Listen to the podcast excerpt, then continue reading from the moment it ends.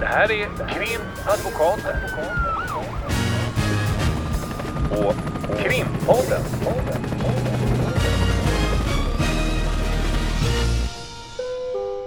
Parter och ombud kallas till sal 32. Hej Lotta! Hej Ulrika!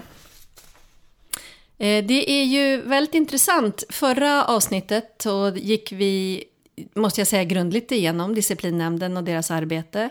Och nu i veckan så kom det ett beslut ifrån disciplinnämnden att två advokater eh, blir uteslutna. Jag tänkte vi kunde prata lite om det också relaterat ämne. Ehm, Vill du säga någonting på det? Vad har du på det? Uteslutningen. Eh, ja, eh, som vi pratade om förra gången så är jag ju en del av disciplinnämnden och eh, nu har det då offentliggjorts eh, ett beslut om att två advokater har uteslutits ur advokatsamfundet. Och det beror på att de har agerat på ett sätt som allvarligt har brutit mot god advokatsed, båda de här advokaterna. De har agerat på vissa delar eh, liknande eh, i förhållande till varandra och i andra delar inte exakt likadant. Men eh, jag tänkte att vi kan knyta ihop säcken eh, lite senare, men att vi skulle mellanlanda i att dels i de här två ärendena i disciplinnämnden så, och dels även i, överhuvudtaget har det varit omskrivet kring det här med Encrochat. Mm, det har ju varit, eh, måste man ju ändå säga, väldigt aktuellt under i stort sett hela våren. Eh, I flera mål. Flera mål i media och i allmänna samtal, även mellan oss och kollegor måste man säga att det har varit en snackis. Mm. Och då kan jag eh, flika in lite när det gäller de här två uteslutna advokaterna att i de ärendena så har det också då förekommit eh, eh, utskrifter av eh, alltså material och meddelanden. Eh, som Chattar, är Ja, precis. Men sen finns det ju andra delar också. Men eh, det är just därför jag tänkte att vi skulle bara försöka oss på att förklara vad 17 Encrochat är. Eh, det tycker jag är väldigt intressant och också angeläget såklart. Eh, det har ju stått ganska mycket om det, men om vi liksom ska göra utifrån vårt perspektiv en, en eh, sorts sammanfattning. Eh, jag kanske kan börja bara lite med kort historik. Så kan vi gå in mer utifrån ett advokatperspektiv, kanske ett eh, brottmålsperspektiv. Men eh, eh, vad jag förstår så började man i Frankrike eh, fundera kring eh, Encrotelefonerna. Eh, det här är ju baserat på uppgifter som har kommit från olika håll. Men om, om eh, jag har förstått det rätt så 2017 så upptäckte fransk polis att det var liknande telefoner i beslag som de gjorde i samband med eh, mål som, hade, som man kunde härröra till organiserad brottslighet. Och då började man nysta lite i det och se vad det här var för typ av telefoner. Det var en speciell sorts telefoner. Då. Eh, sen 2018 så fick fransk polis eh, något tips om att det fanns en server relaterad till de här telefonerna eh, lokaliserade i Frankrike. Och då tillsatte man en särskild utredningsgrupp på deras eh, gendarmeri. Eh, som just skulle då utreda och nysta i det här. Ehm, och då var det under en period 60 poliser tror jag som uteslutande enligt uppgifter och jobbade med, med bara det här. Ehm, och det, det som väl, vi kommer säkert komma tillbaks till det, men det intressanta i det här är att, och då startade den här utredningen, ehm, hur man kom på något sätt in i det här då som vi säger Encrochat. Om man kanske bara om man kokar som- ner det till liksom A, A, A, B, C. Man börjar med en Encrochat, det är ju en chatt, men den måste ju ske någonstans Exakt. i någon typ av apparat. Mm. Och en apparat, en Encrotelefon som är, har en specifik krypteringstjänst kan man kanske säga på ett enkelt sätt. Och när man då säger att man kom in i det här så vad jag förstår så kunde man inte knäcka koden, alltså knäcka krypteringen. Utan man lyckades enligt en teori då, som är väl den som är allmänt förhärskande, att man eh, fick någon sorts, man placerade in en sorts uppdateringsfunktion som gjorde att man kunde komma in i systemet och då få del av de här eh, chattarna. Jag tror att uppgifter, och, och anledningen till att jag säger så här är att Frankrike vad jag förstår har fortfarande inte offentliggjort riktigt på vilket sätt man har fått del av det här och hur man har gått till hur man, hur, vilka metoder man har använt och så vidare. Och, och det är det som man har kritiserat ifrån svenskt håll som jag tänker att vi kanske kommer att prata lite kort om. Men, Men om, om jag då vill enkrochatta med dig, hur ska jag bete mig? Går jag till Åhléns och köper en enkrotelefon då eller? Ja, men precis. Mm, och, vad kostar den då? man, man eh, skaffar sig en sån här enhet, eh, enkrotelefon, och eh, det kostar också en, en speciell summa. Dels betalar man för själva enheten. Du hade siffror på det? Ja, jag såg någonstans mellan 15, 16, 17, 18, 19, 20 000. Och det är ju inte så mycket dyrare än en iPhone, men, men det är ju lite dyrare än en iPhone. Ja, och sen eh, så är det ett abonnemangspris på enligt uppgifter 30 000 per år. Ja, och då kan man ju säga att det är ju helt enkelt, det är ju inte som att man ringer till Telia och skaffar ett abonnemang. Man köper antagligen inte heller hårdvaran på Åhléns.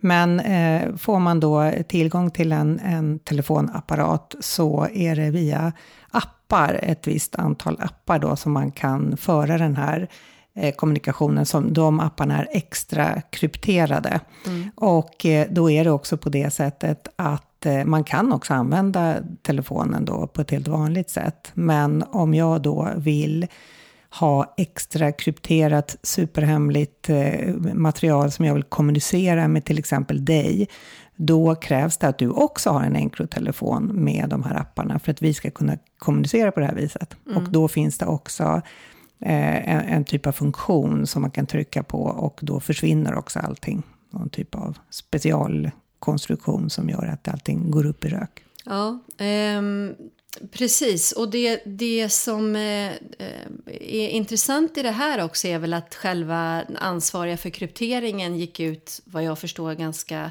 mycket med att det här skulle vara helt oknäckbart. Så mm. det som man, eh, som man då har hittat är väl cirka en miljon textmeddelanden. Eh, det är 60 000 användare och hur många är det i Sverige?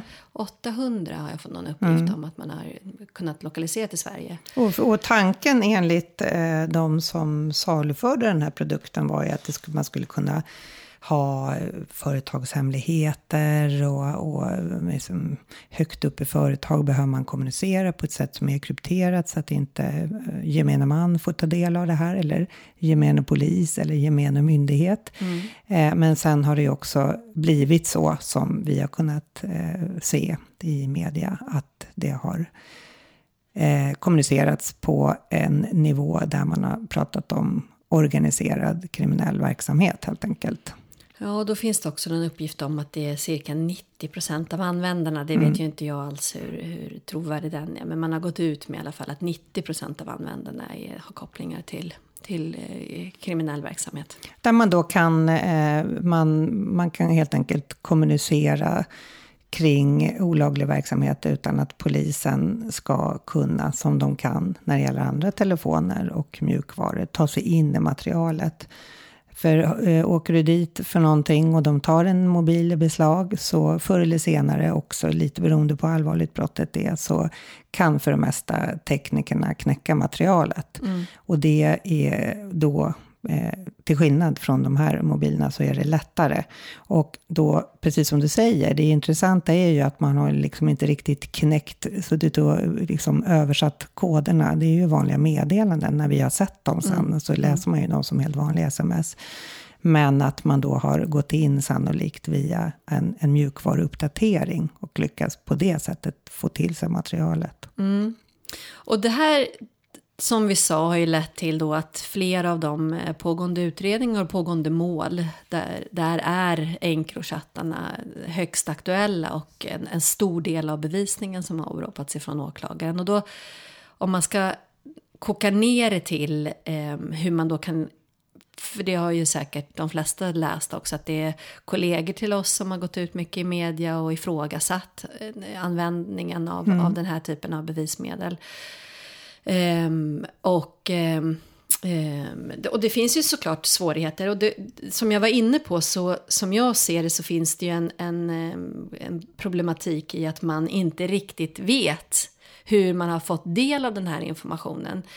I vissa mål har man också varit inne på att det som man då har fått av, av de här utredande myndigheterna, bland annat från Frankrike, är sen eh, material som man har skapat av det här som man har hittat. Så att man har fått till exempel Excel-ark som är en sorts sammanställning av eh, delar av det här materialet som då används som bevisning i, Ja. mål vi har. Och, och, det, och då har man ifrågasatt att det finns ju möjlighet att det är manipulerat eller att det är Ja, att man inte vet som- och behöver inte, det kan, alltså från försvarets sida i de här målen så, så har man anfört att det strider mot artikel 6, rätten Mm. till en rättvis rättegång i Europakonventionen. Därför att man vet dels inte vem det är som har gjort sammanställningen av materialet, man vet inte på vilket sätt det presenteras, vad som kan vara luckor. Det behöver ju inte vara så att man gör det Eh, med ont uppsåt, att man lämnar ut vissa luckor eh, eh, eller att man låter då viss information försvinna eller någonting sånt. Men det kan man ju aldrig helt utesluta, har, försvaret menat, när det gäller de här delarna som, som avser just, nu ringer det här på min mobil. Och det betyder att jag ska göra någonting, jag ska bara ta bort den. Vi jobbar ju egentligen idag så att det är därför det blir så där. Eh, men också eh, problematiken med att när man ska ha möjlighet att försvara sig själv i en rättvis rättegång så måste man ju få veta vem är det som lämnar den här uppgiften om mig? Det är därför vi inte har anonyma vittnen än så länge. Eh, vad, vad kan det finnas för skäl för den här personen att lämna de här uppgifterna i den redigerade formen som lämnar ut vissa delar och så vidare. Vad var Och- förutsättningarna när det Ja, här lämnades? Alltså Precis. Det, det kan vara och fel det är lite höljt i dunkel. Mm, Sen har ju den andra delen i kritiken varit eh, att eh, det är ganska dyrt att ha en sån här telefon och ha eh, de här apparna då som är aktuella. Och då är det så att eh, man kanske inom de här olika gängen, om man får säga så, de som har varit åtalade kanske har delat på en telefon. Eh, och delat på ett alias. Så om jag, man, man kommunicerar via alias. Så om jag skapar ett alias, eh, Äpplet, och du har skapat ett alias, Citronen. Citronen, ja.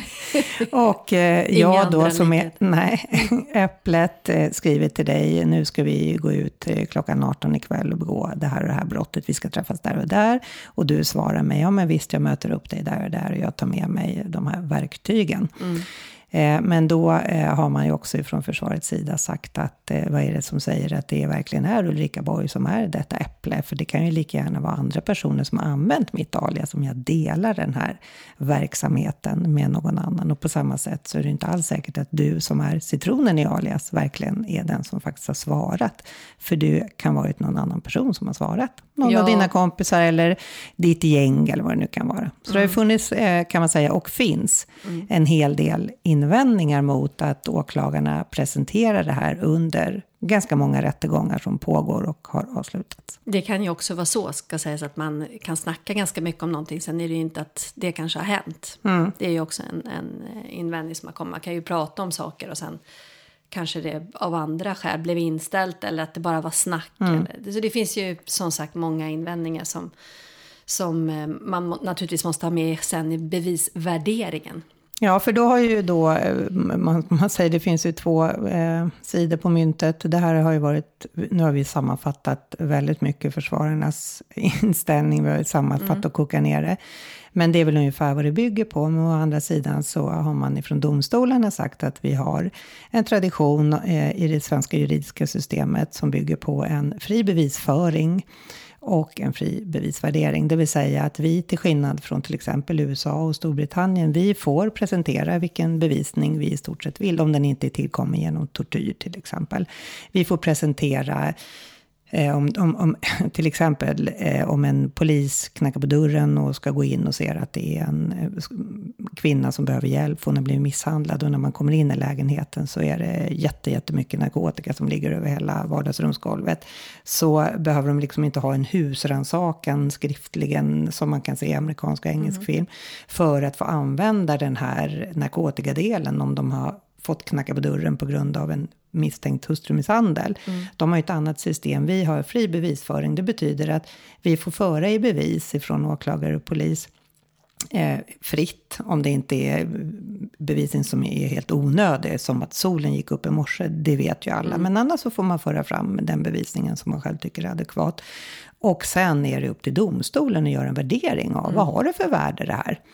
Och då har man ju eh, från, liksom när man pratar från den juridiska sidan som inte är försvarare eller åklagare, men då har man ju menat att domstolarna, eller domstolarna själva menar att vi tar till oss eh, eh det som riktas ifrån försvaret om att det finns en del ja, vad kan man säga, saker som är höljda i dunkel mm. som man inte riktigt vet. Eh, och, och då har man tagit med sig det i värderingen av de här Encrochattarna. Mm. Det vill säga att det har inte kanske fått fullt utslag som superrobust bevisning. Och det kanske också blir så att det kommer att finnas, att det, eller det kommer att behövas annan stödbevisning. Mm, att det exakt. inte bara räcker med, med ett Encrochat-meddelande och sen är det liksom klart för åklagarens sida. Mm. Men rättigheten att lägga fram det och sen för domstolen att värdera det. Vi har inte fått något avgörande på det Nej, ännu. Vi kanske får skäl att återkomma till mm. det, för det kommer väl några här under sommaren bland annat. Som, kommer nya kommer domar. Mm. mm. Men om vi då backar lite och pratar om den här uteslutningen mm. så sa vi att det är lite kopplat också till Enkron. Ja, precis. Och då är det ju eh, som sagt två advokater som har blivit uteslutna nu här nyligen. Och eh, vad skälet till att de är, är uteslutna, eh, det framkommer ju av, av beslutet. Men det är ju framför allt att de då har läckt uppgifter Eh, Eh, det har funnits yppande förbud. Det betyder att man som advokat inte får yppa vad som har framkommit under förhör eller under förundersökningen. Och eh, de har läckt sådana, avslöjat sån information de har fått eh, under förhör. De har också haft klienter som har varit häktade med restriktioner och det betyder ju att Eh, om man är häktad med restriktioner så får man inte kommunicera med omvärlden. Man får bara kommunicera med, med sin advokat. Och advokaten får ju inte föra vidare eh, uppgifter ut eh, ifrån ett häkte och in utifrån eh, för att påverka utredningen. Och det menar man då att, att det här har skett. Eh, och bevisningen i den delen, vad jag förstår, då får du rätta mig om jag har fel, men då, då är ju det mycket baserat på det man har hittat i de här ja, chattarna. Att det, mm. det är väl två åklagare som har lämnat in en anmälan mot de här. Ja, det är både åklagare och sen har samfundets eh, styrelse självständigt också eh, tagit upp mm. eh, på eget initiativ. Så det, det är liksom både en anmälan och att samfundets styrelse har tagit upp när det här uppdagades. Då, då. Mm. Eh, men sen är det ju också det, eh, det, det, faktum att eh, man har då beslutat i disciplinnämnden att de har brutit mot sin tystnadsplikt. Det är ju så här att vi som advokater är ju liksom inte bundna till mm, olika regler, kanske sekretesslagen och om man hårdrar det. Men däremot så eh, är det så att det kan innebära att om vi babblar om saker vi inte har rätt att göra, vi är ju inte tjänstemän, vi är ju fria. Mm. Men då kan man istället drabbas av att vi har de här etikreglerna och drabbas eller att du i alla fall är på det sättet att du kan få en påföljd mm. om du försvårar utredningen uppsåtligt, att du läcker uppgifter du har fått höra och det, det är det som man menar att det är det som vi i disciplinnämnden menar har skett i, det här, i de här ärendena. Och tystnadsplikten bara för de som kanske då inte är i vår bransch så har vi både en tystnadsplikt som vi har pratat om förut som är absolut gentemot klienten men också mm. det här då tystnadsplikt om man då ser till restriktioner att vi ska vara tysta utåt. Alltså restriktioner som klienten har, som är ofta skälet till att man kanske sitter häktad under en utredning. Mm. Det är ju vi också bundna till, men mm. vi kan ju inte sitta frihetsberövade som. Nej, precis. Och då är det så till exempel att, att eh, i, i ett av de här ärendena så har den ena advokaten då fått del eh, av en, en hemlig eh, bilaga som, som man får när man har en klient som är häktad. Så får man dels ett offentligt beslut där det egentligen inte står så särskilt mycket för att inte någon ska kunna påverka polisutredningen som pågår. Och sen finns det en, en hemlig protokollsbilaga som försvaret får och åklagaren får. Vad som har sagts och lagts fram mm. under häktningsförhandlingen. Som för är... att häktningsförhandlingen sker ju nästan alltid bakom stängda dörrar. Ja. Och det är ju en Anledningen till det är ju för att det oftast är så kallad kollisionsfara, det vill säga att det ska läcka ut information om utredningen som kan påverka hur människor berättar eller om man eh, försvårar, precis som du säger, eller justerar någonting som försvårar polisens arbete. Och då har, har det läckts ut då en, en sån här, eh, ett protokoll där det framkommer då uppgifter. Ett sekretessbelagt protokoll har skickats vidare till människor som inte är behöriga givetvis att få ta del av det protokollet med dem, den informationen. Och då är det ju en väldigt stor risk att man faktiskt förstör utredningen. Och precis som du sa, eh, som advokat får man inte förstöra utredningen eh, i förlängningen av att klienten sitter häktad med restriktioner för att inte förstöra utredningen. Då kan ju inte advokaten eh, gå in och åt klienten förstöra utredningen. Nej. Eh, Så att det är en, en mängd olika punkter som eh, nämnden har ansett att de här advokaterna har hanterat på ett sätt som är mycket allvarligt. Och eh, man har menat att eh, vi har ju särskilda privilegier som advokat. Man har en särskild ställning eftersom vi då får prata med våra klienter på häktet. Vi får del av det här hemliga materialet. Vi sitter ju i en särskild ställning på det viset som vi också ska förvalta. Och man ifrån nämndens sida menar att det har de här advokaterna helt bortsett ifrån och att de har istället utnyttjat den särskilda ställningen för att agera på ett sätt som är, om jag får uttrycka mig slarvigt, komplett oetiskt. Och därför har det nu lett till de här två uteslutningarna. Och det betyder eh, i praktiken att eh, dels får de inte kallas för advokat, det är ju en skyddad titel. Omedelbart. eller? Omedelbart. Det försvinner direkt. Och det skickas meddelanden, det får ju alla i branschen också, att Mm. de här personerna är uteslutna. Domstolarna får notifikation om det, jag Mm. vet inte varför jag just hittade det ordet. Och eh, kollegor och så vidare, det går ut med ett sånt här eh, generellt eh, Mm. Så att domstolen inte kan förordna dem som Precis. offentlig försvarare, det har vi varit inne på tidigare, att i Sverige är ju i stort sett alla försvaruppdrag är ju offentliga. Så att det betyder ju att de inte längre får uppträda som försvarare, eh, i alla fall inte offentliga försvarare. Och de, Ja, det är väl det, för de, ju de är ju fortfarande jurister, så att Mm. Men de kan inte ha den här skyddade titeln. Så att de kan, an- de kan ju fortfarande jobba på en advokatbyrå som anställd Biträdande jurist, jurist, ja. biträdande jurist. Om de nu skulle vara intresserade av det. Men eh, det är också så att, att eh, de har ju också en rätt att överklaga. Och, och när man överklagar disciplinnämndens beslut så är det Högsta domstolen som är första och sista instans att pröva det. Och då har de ett antal veckor på sig att, att få det prövat av Högsta domstolen. Det, det vet vi ju ingenting om. Men eh, det är eh, ganska eh, utifrån i alla fall eh, mitt perspektiv och vad vi brukar prata om när vi pratar om eh, etiska regler och hur vi ska förhålla oss till dem som vi pratade om i förra avsnittet, att vi diskuterar etik hela tiden. Det som har gjorts i de här två ärendena, det är flagranta överträdelser. Det är väldigt allvarliga saker och det är eh, långt ifrån eh, alla advokater. Det är eh, en oerhört liten andel, få människor som är advokater som, har, som, som jag i alla fall har sett, som ägnar sig åt den här typen av verksamhet. Ja, Men- det kan vi nog inte nog understryka. Mm. Jag tycker att man i, i flera sammanhang, eh, det är såklart, vi har varit inne på det förut också, att det påverkar alla oss i den här branschen, alltså alla våra kollegor, när det här har varit väldigt uppmärksammat och man pratar om eh, gangsteradvokater, gangsterromantiserade advokater, att det liksom drabbar hela vår yrkesroll. Men, och vi har sagt det förr, men det är ju bra, vi måste säga det igen, liksom. det är verkligen en liten andel. I stort sett alla som vi har pratat med och som man har hört i, som är advokater är ju också upprörda över att Ja, oh ja. man har haft den här misstanken nu och som Mm. då har, har eh, bekräftats måste man väl ändå säga när de har blivit uteslutna, även om de får överklaga. Och det, jag vill också bara säga att det här med omedelbart, även om det då är överklagat så får man ju inte vara verksam som, Nej. som försvarare. Så det är det Nej, det, när beslutet meddelas så är, så är man inte advokat längre helt Nej. enkelt. Och det är inte någon av de här två. Nej. Men eh, ja, eh, jag tänkte också om vi bara går tillbaka lite till det här med Encro som vi sa så är- var det ju många mål och så vidare. Då kan man ju tänka sig så här, men vad händer då? Att det har stängts ner och kanske inte används eftersom det inte längre är krypterat. Och då kan man ju bara säga lite kort att man har ju också sett under våren att det är andra krypteringstjänster en eh, Sky bland annat som också knäckts. Som man då från polis och åklagarhåll säger att det verkar vara har använts dubbelt så mycket. Så det är också mm. Det är lite som att leka tjuv och polis. Ja. Så vem, vem ligger först?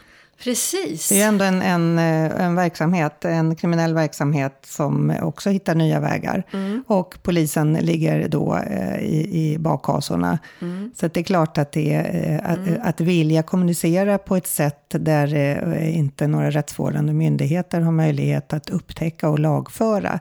Det kommer väl alltid att finnas så länge det finns kriminalitet. Så mm. man kan ju tänka sig att marknaden är öppen. Ja, men precis. Det, och att man kommer få se flera säkert sådana här mm. stora nyheter av, av, liknande slag. Ja, intressant och, och väldigt eh, aktuellt. Mm. Mm. Då tänker jag att vi packar ihop för idag. Vi packar ihop för idag. Tack mm. för idag. Hej. Hej. Krimpodden.